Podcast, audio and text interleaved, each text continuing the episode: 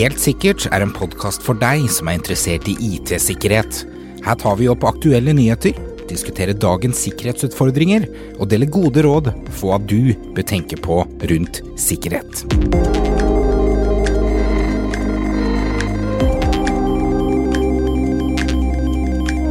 Hei, og velkommen til Helt sikkert. Mitt navn er Stian. Mitt navn er Alexander. Og denne podkasten her er litt spennende for oss. Eh, Det er egentlig første gangen begge oss to er på podkast, ikke sant, Alexander? Jo, det er første gangen. Kan fortelle litt kort om meg sjøl, bare for siden det første. Ja, fyr løs. Eh, Mitt navn er Stian Storebø. Jobber i Cyber and Security. Med sikkerhet, merkelig nok. Eh, 32 år gammel, eh, gift og bor her i Oslo. Du da, Alex? Jo, Alexander jobber som CTO i Cyberland Security. En av founderne er vel blitt 33? Jeg vet, det er ikke så lett å huske. Nei. Nei, det er ikke det. Ikke så lett å huske. Ja, hun bor i Oslo. Så litt kort om denne podkasten her, da. Jeg kan ha lyst til å gjøre. Vi har lyst til å presentere litt aktuelle temaer som er i vinden for tiden. Snakke litt om det. I denne podkasten skal vi annet snakke litt om eh, litt IOT-devicer, og litt Alexa og Siri, og hvordan man kan utnytte slike smarte høyttalere. Vi skal òg snakke litt om eh, Bluekeep, sårbarheten som eh, kom i mai. Og så skal vi også snakke litt om ransomware-angrep, som også er i vinden for tiden, dessverre. Og så skal vi også til slutt snakke litt om skadesystemet, og hvordan de kan utnyttes, egentlig. Men eh, jeg tenker at vi begynner med smarthøyttalere. Ja, for det her var jo en kul uh, sårbarhet der de finner ut at de kan bruke lasere Yes. istedenfor samtaler. Det, det, det var egentlig ganske kul sårbarhet, fordi uh, man har jo tidligere hatt uh, disse smarthøyttalerne som du har hjemme. Du, du, de, flere av dere har kanskje en sånn smarthøyttaler liggende hjemme, kanskje også kobla til, der man kan gi stemmekommandoer. Og uh, Xbox har faktisk hatt den funksjonen der ganske lenge. Ja. De, eh, og hvis du sier da Xbox turn off, så slår han seg av. Og det gikk en sånn eh, La oss si lydklipp på internett der eh, folk sa Xbox turn off. ja, så det er alle den som har hørt yes, på, den slo seg av. og da midt i et game, eller Ja, og Alexa og Siri har også hatt dette problemet tidligere, de òg. Med at du kan bruke stemmekommandoer til å få gjøre diverse ting. Ja, hvis du hører på radioen, og så sier de noen ting, og så kan du få Alexa eller Google eller Yes. whatever til å gjøre de tinga du hører på. Akkurat da. Så, men det som kommer frem nå, da, er jo en litt nyere måte å gjøre dette på, og ikke nødvendigvis bruke stemmen, du kan gjøre det på avstand.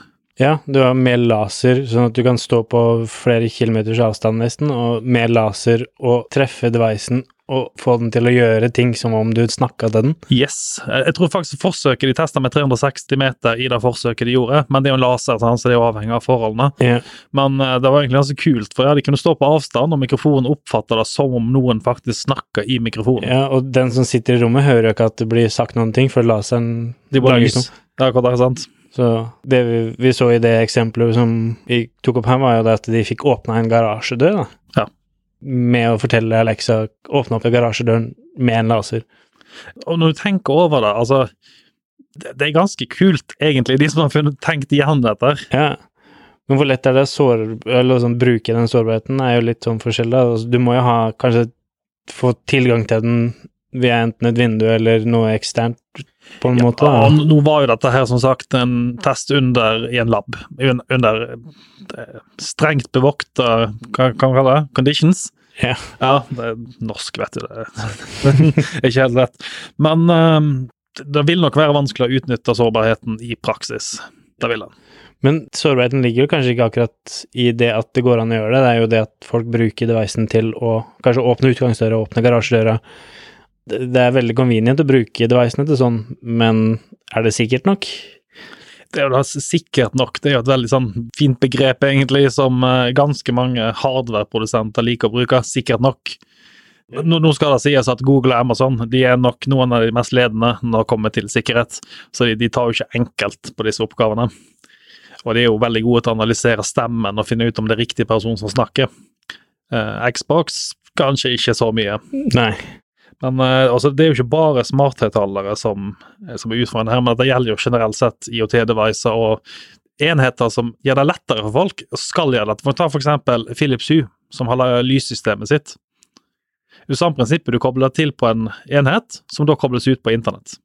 Ja, Du kan få den til å koble til og egentlig hente ned skadevare eller hva, hva den vil. For eksempel, sant, og produsentene tenker jo ikke nødvendigvis på sikkerhet når de vil ha ut produktene sine, de vil bare ha de ut på nettet, fordi at det er sånn eh. Og så kommer det oppdateringer innimellom, kanskje, hvis vi er heldige, hvis produsenten faktisk er seriøs.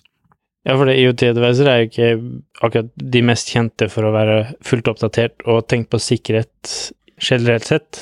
Nei, egentlig ikke. De, de er ikke kjent for, for å være det. Og, og så, så vet du aldri. Altså, Hvis det er f.eks. en ukjent kinesisk produsent som har lagd enheten, du vet jo ikke hva som ligger inni den. Eh, Selvsagt for de store leverandørene som Philips og Microsoft, Amazon og Google, så er man ganske sikker på at de har kontroll på alle komponentene. Men går du f.eks. på AliExpress og bestiller deg et webkamera, så vet jo ikke du nødvendigvis hva som er i det webkameraet. Nei, og det har jo vært veldig mye oppe i nyhetene der med babycalls og sånne ting som du får kjøpt, da, som Ja, ikke er De, de ble jo hacka for en stund tilbake. Og de, de på en måte publiserer seg sjøl rett på internett, og, og du kan da sitte og overvåke og snakke til kids som da Litt uheldig, vil jeg si. ja. Det var, det var vel noe bamser òg, noe sånn smartbamser, var ikke det en sak òg? Jo da, det er som kameraet overvåker, og du kan også da snakke til den og, og si ting. Det, det er jo så skummelt. Og dette er jo snakk om unger, sant. Altså, det er Ja, unger kan du få lura til å gjøre ganske mye rart, da, hvis du forteller dem at de skal åpne en dør eller lokke opp noen ting, eller du kan lure dem generelt sett. det, det, det, det er et veldig svakt ledd, egentlig. Men uh, skal vi snakke om noe annet gøy? Ja, skal vi gå over til litt sånn sårbarheter som Zero Days, som var i Windows her i mai? Stemmer det. Da var denne her eh, Blue Keep, stemmer ikke? Jo, og de var jo sagt at den var mer Potensielt mer risikabelt enn det WannaCry var. Ja, de, de, de snakka vel om det på den tiden. Nå har vi vært heldige, da, for så vidt, for den har jo ikke blitt utnytta, den sårbarheten som var. Eh, For, for de som ikke er så godt kjent med den, så var det en sårbarhet i RDP. Eh, Og spesielt eh, da mot en del bedrifter som har eh, server ut mot internett, der de har f.eks. på RDP. Ja. Og de er kanskje ikke klar over at de har aktivert RDP på serverne heller. Nei, altså RDP blir jo veldig mye brukt, i hvert fall på servere, for å remote administrere de og sånne ting. Og for noen så publiserer de kanskje RDP rett ut på internett. Sånn som med WannaCry så var det jo SMB som normalt sett ikke er publisert ut på internett. Det, det er på en måte noe man unngår.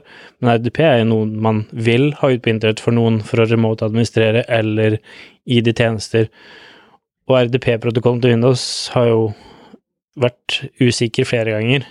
Den er vel ikke akkurat kjent for å ha den høyeste sikkerheten eh, generelt sett. Nei, og da var det jo også en Zero Day som var åpent eh, på veldig mange moderne versjoner. Det var vel helt fra Windows XP opp til Windows 8 og, og 2012 og Jeg tror det var 2012 opp det. var, ja.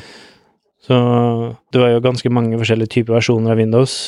Og og Var ikke det sånn at Microsoft først kom ut med nødpatch til de gamle usupporterte versjonene av Windows til òg? Ja, altså det her var jo den andre gangen Microsoft kom ut med en patch til Windows XP, etter at de har sagt at Windows XP aldri skal patches igjen. Ja, sant? og det sier jo litt om hvor alvorlig den sårbarheten var. Ja, og de sendte ut en ganske kraftig varsel til alle eh, om at denne oppdateringen er en kritisk viktig oppdateringer, og det må patches med en gang, for den er potensiell det vi kaller warmable, altså den kan spre seg rundt på nettet automatisk og infisere nye, nye maskiner. Altså Egentlig uten at noen bruker gjør noe, så kan han faktisk gå videre. Ja.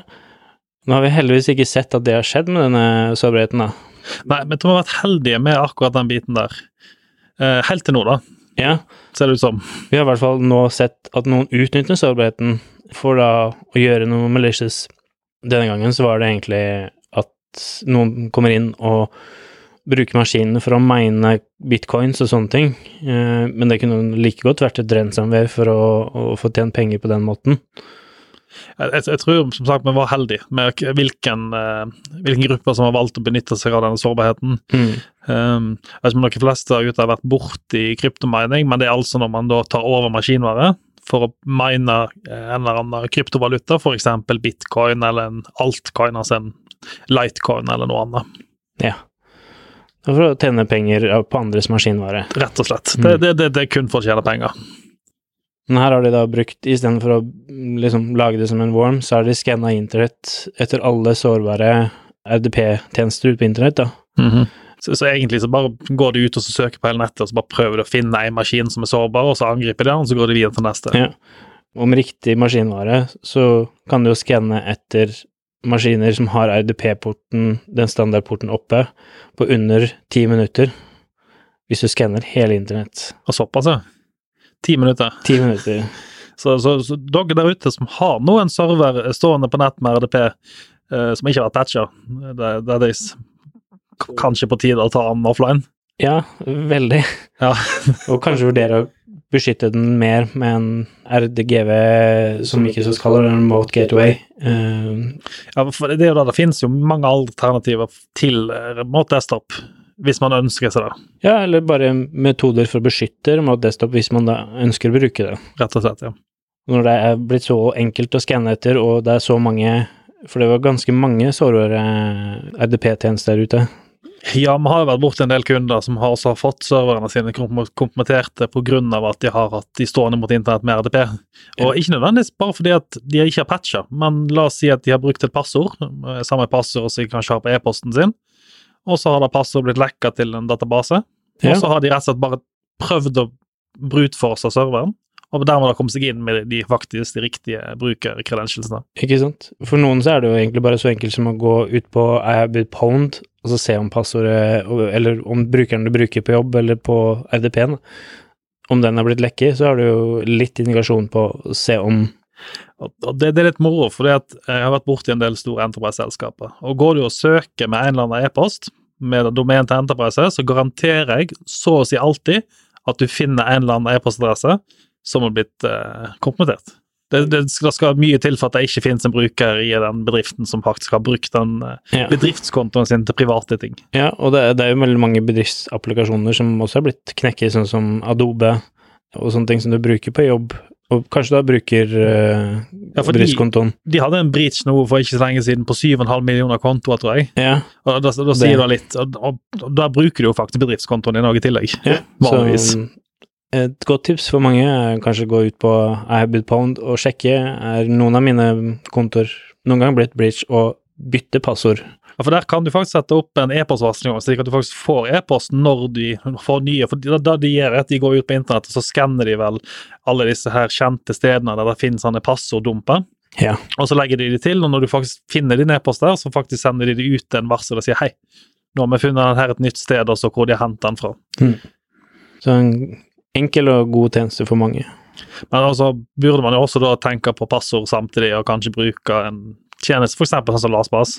Ja, for du skal egentlig ikke ha samme passord Nei, på noe mer enn ett sted av gangen. Det, da, da, da kan Du tenke deg sjøl hvis du, de får tak i e-postpassordet ditt, og så har de plutselig e-posten, de har Facebooken din, de har kanskje Twitter-kontoen. Hvor mye makt sitter du egentlig igjen med det? Du kan ikke resette passordet ditt til e-post, for den har du jo allerede kontroll over. ja. Så du kan jo miste identiteten din ganske lett hvis, Mm. mange, hvis noen vil, da. Det skal ikke så mye til. Det er litt skummelt, vil jeg si. Mm. Vi skal ta og gå videre med, eh, fordi eh, det har vært et litt spennende cyberangrep for ikke så så lenge siden. Det var vel et uh, sånn energikraftverk i USA som hadde blitt uh, ramma denne gangen. Ja. Og det er også en bransje som også er litt kjent for å være litt uh, slapp når det kommer til sikkerhet. Ja, de er veldig vant til uh, også det vi kaller skada, eller eh, kanskje noen kjenner det som PLS-tjenester og sånne ting. Industrielle systemer, egentlig. Ja. Ja. Som da ofte blir satt opp uten noe sikring, ofte med standard brukernavn og passord, eh, og ikke noe form for sikring hvem som skal få lov til å prøve. For, for er jo ofte det kommer jo ofte inn eksperter fra utlandet for å sette opp disse systemene. Og de skal jo kanskje ha tilgang til systemene også sjøl for å gjøre support, vedlikehold. Og så tar man kanskje de enkleste løsningene med å gi de bare admin-admin-passordet, eller kanskje endre det til noe veldig veldig enkelt. Ja, og det hender ofte man eh, ser at dis, eh, sånne tjenester er tilgjengelig fra internett for alle, ikke både bare for de som har lyst til å administrere de for drift og sånne ting, men for alle på internett. Vi har jo hatt noen saker i Norge for ikke så veldig lenge siden, et vannkraftverk og et foringssystem Jeg tror det var en sak på digi.no faktisk om dette, her, eh, der man til, fikk tilgang til å kunne styre fôringssystemet rett fra internett. Altså kunne sette i gang fôring, endre fôrmengde, Ja. egentlig styre hele systemet i, den, i det fjøset. Ja, og så her sånn som det er snakk om et powerselskap da, som driver og leverer strøm til kunder, så kan det jo potensielt slå av strømmen til mange, da. Kanskje slå av sånn som det her var eh, solcellepaneler eller mm -hmm. vindmøller. Og til og med vindmøller, så kanskje du kan gjøre noen ting sånn at vindmøllene ikke Du kan slå av bremsene på det. Og, Ja, for eksempel, sant? eller gjøre noen endringer slik at de går fortere enn da de skal, eller saktere enn da de skal, til Ja. og med. Og produsere mindre strøm. altså. Kan du tenke deg selv hvis en konkurrent hadde gått inn til uh, sine, konkurrenten sine solcellepanel eller vindmøller og redusert ytelsen, slik at eh, de får lavere effekt. Ja, ikke sant. Og du vil jo ikke ha merka det sånn utkomst som har gjort over tid, for eksempel. Men her var det jo litt mer eh, Også sårbarheten som det vi tar opp her, var jo litt mer med at eh, det her var en uh, upatcha og ikke oppdatert uh, firewall da, som sto foran de skada systemene, som gjorde at de kom inn eller fikk dedosa og slått av ting. Så, så rett og slett så, så er faktisk sikkerhetsløsningen som skulle beskytte de, var faktisk den som også gjorde at de kom seg inn i løsningen. Ja, Ja, for, for det, det er også en ting som er viktig, at når man setter ut sikkerhetsutstyr, at man faktisk vedlikeholder og tar vare på det. Ja, for det er jo ikke bare å oppdatere maskiner man må gjøre, man må jo oppdatere firewaller, rutere, alle de komponentene som også ligger på nettverket og er tilgjengelig, ikke bare maskinene. Jeg liker litt å bruke bil som eksempel, der, for de fleste av dere har jo kanskje bil. Dere er på service med den mest sannsynlig én gang i året. Så kan du stille hvorfor er du på service med bilen din. Og det er jo fordi at du har lyst til at den skal gå fint. Du har lyst til at den skal faktisk fungere. Yeah. Det er jo akkurat som en brannmur. Du må ha noen som er inne og gjør vedlikehold på den. absolutt. Og passe på at den da blir oppdatert med riktige versjoner og sikre versjoner.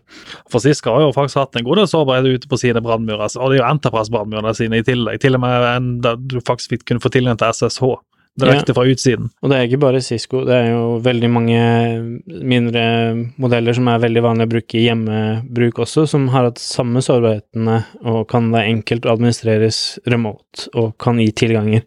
Ja, de, de fleste må du faktisk lage på brannmuren og faktisk laste ned og installere. Noen har automatisk oppdatering, men de må fortsatt bekrefte at den skal restarte, spesielt med tanke på at en brannmur er en ganske kritisk komponent i et system. Og det er jo Nesten alle nettverk på internett har jo da en form for en brannmur, så det er mange mange av de, og hvis man da ikke er flink til å oppdatere, så vil veldig mange bli ramma. Men hva, hva tenker du da, at hvis du hadde sittet med et skadesystem, altså hvordan ville du ha sikra det sånn, egentlig? Nei, altså øh, Punkt én er jo da å ikke bruke samme brukernavn og passord som det kommer med. Ja. Så standard brukernavn og passord er, er veldig, veldig vanlig, men det er en fy-fy. Og så er det jo da ofte sånne devicer har en access-liste, så man kan si at bare de og din IP-adressene har lov til å koble seg på. Ja, sant? Iallfall begrensa en, en, til en grad Ja, det er vel den, nesten den eneste sikkerheten en sånn device noen ganger har. Ja. Og så er det jo da passe på å ha en firewall og en brannmur som gir riktige personer tilganger, da. Og kanskje da at det er en VPN-kobling istedenfor at den blir satt rett på internett. Ja, sånn at de som skal ha faktisk tilgang til den og skal styre den, kan gå via da en sikker tunnel og en sikker tilkobling inn mot enheten. Ja. Man har minst mulig eksponering mot internett, egentlig. Ja, for det er den tilgjengelig for internett, og det finnes noe sårbarhet eh, i den, så vil jo noen prøve. Ja, Det var jo litt samme eksempelet som vi snakka om nå for ikke i stad, at eh, hvis du har en gateway f.eks. per RDP, så må du jo også sørge for å vedlikeholde den. For det er fortsatt en server som står på internett, og tilgjengeliggjør programvare. Ja. Kommer til det meste, egentlig. Du må vedlikeholde det meste. Det, Ja, i hvert fall, man alltid vedlikeholde alt det man publiserer på internett, det er punkt én. yes, det er, det er et viktig punkt. Og da, for det andre, være veldig Alt som er eh, tilgjengelig for brukere, er også veldig viktig å oppdatere, for brukere er ofte den veien man kommer inn. Ja, det, det, det er vel brukerne som er normalt sett det svakeste leddet. Eh, Det er iallfall de som er enklest å lure, er iallfall sikkert. De blir fort lurt, og det er ofte der man kommer lettest inn. Kommer lettest inn?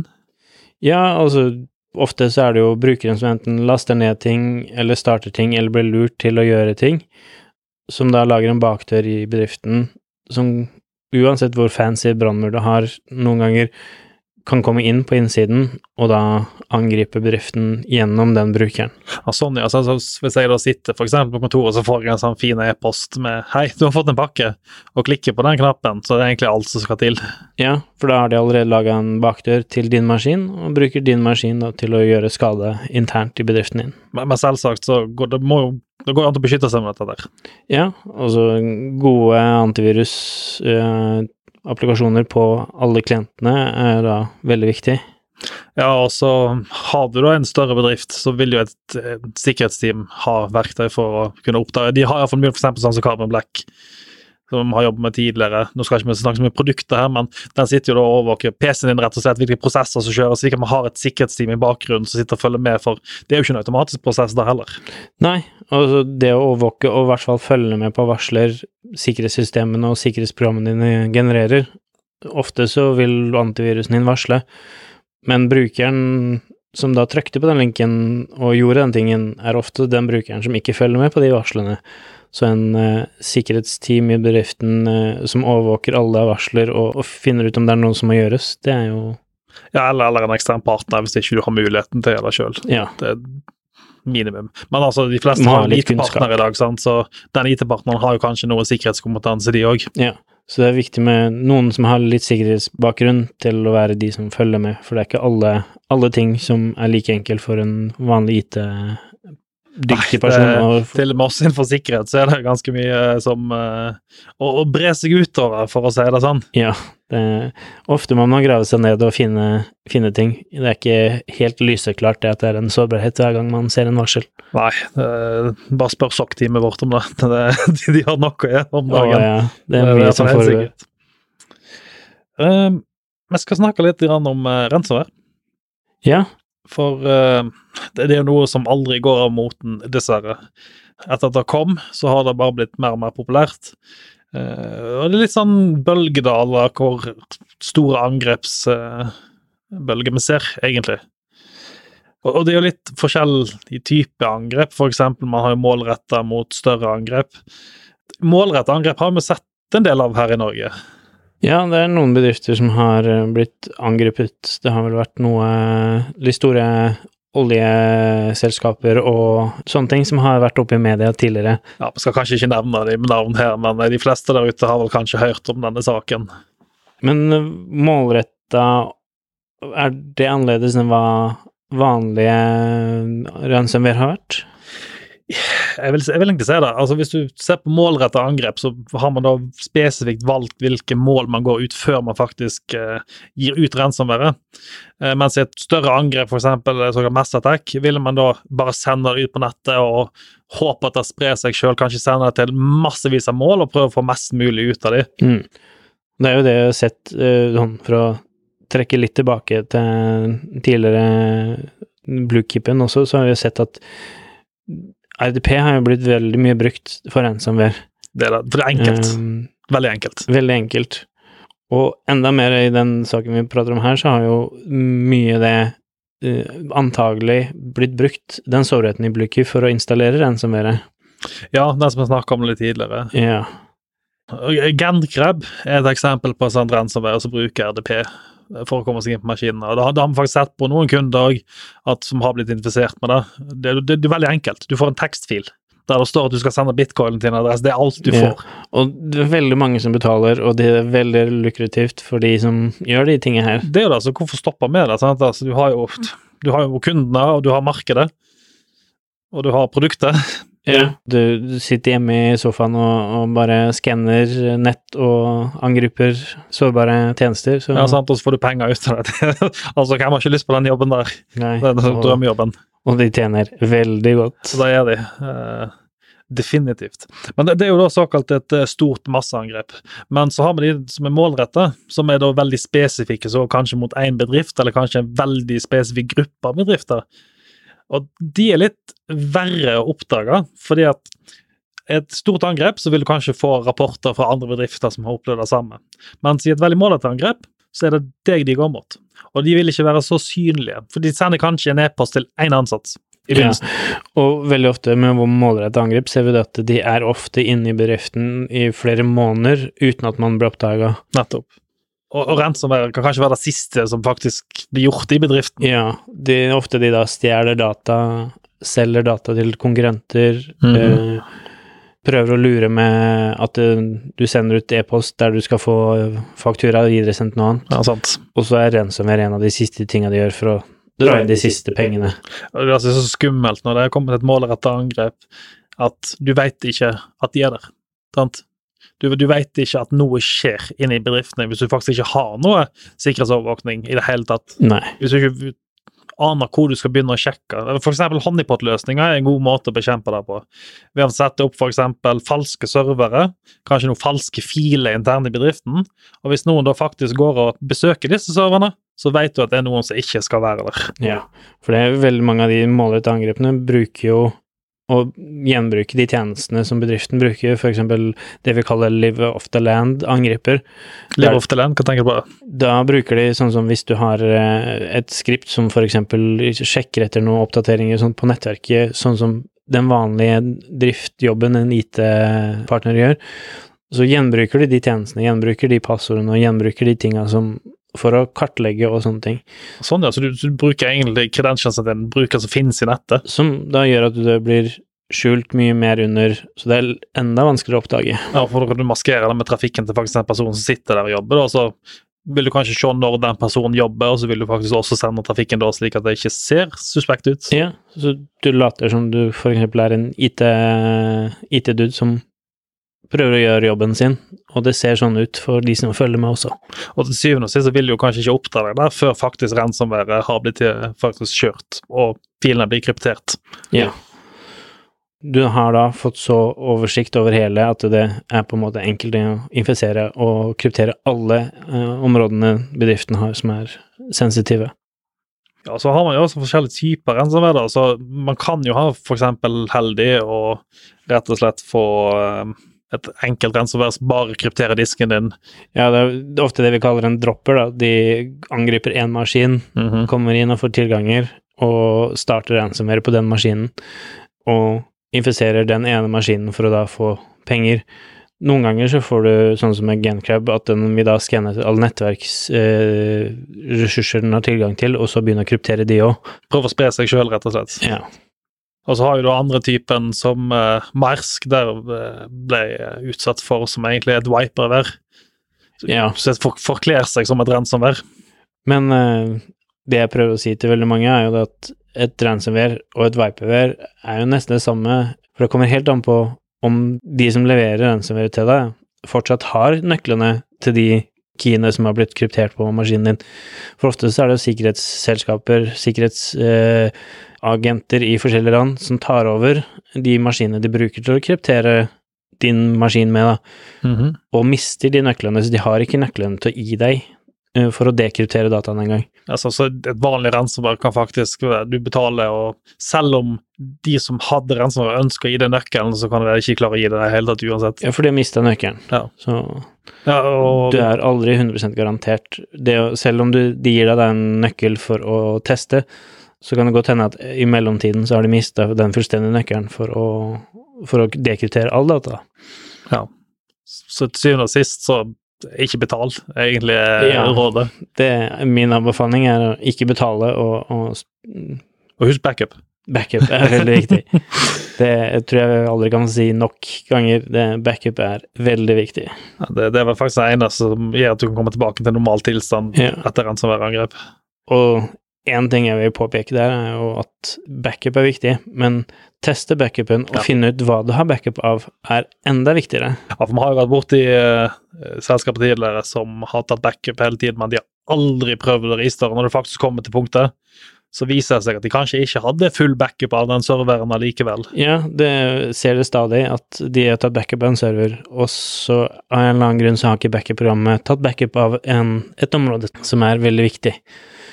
Og da hjelper jo ikke backupen noe. Nei, da kommer ikke du så langt. Nei, det gjør du i hvert fall ikke. Men jeg eh, tror vi skal avslutte der, jeg, Alex. Ja, Det har vært eh, veldig hyggelig. veldig hyggelig. Jeg håper vi ser dere igjen eh, neste episode. Ja. Så vi skal prøve å få publisert en podkast nå hver uke, tenker jeg. Vi prøver i hvert fall. Så forhåpentligvis så skal vi ha litt kule spesialtema inni her, og litt Det er kanskje noe folk som jeg kan få inn her og få intervjue og få snakka litt med. Har ikke vært kult? Det hadde vært gøy. Dette, dette blir gøy, Alex. Det blir gøy. Dette blir kult. Da får vi bare si takk for oss, og så får dere ha en eh, riktig fin dag videre. Podkasten Helt sikkert er laget av Cybron Security og produsert av Shaw Media. For mer informasjon om IT-sikkerhet, gå inn på cybron.no, eller så finner du oss også på Facebook under navnet Cybron Security. Vi tar gledelig imot innspill, tips, eller om du har spørsmål rundt din IT-sikkerhet.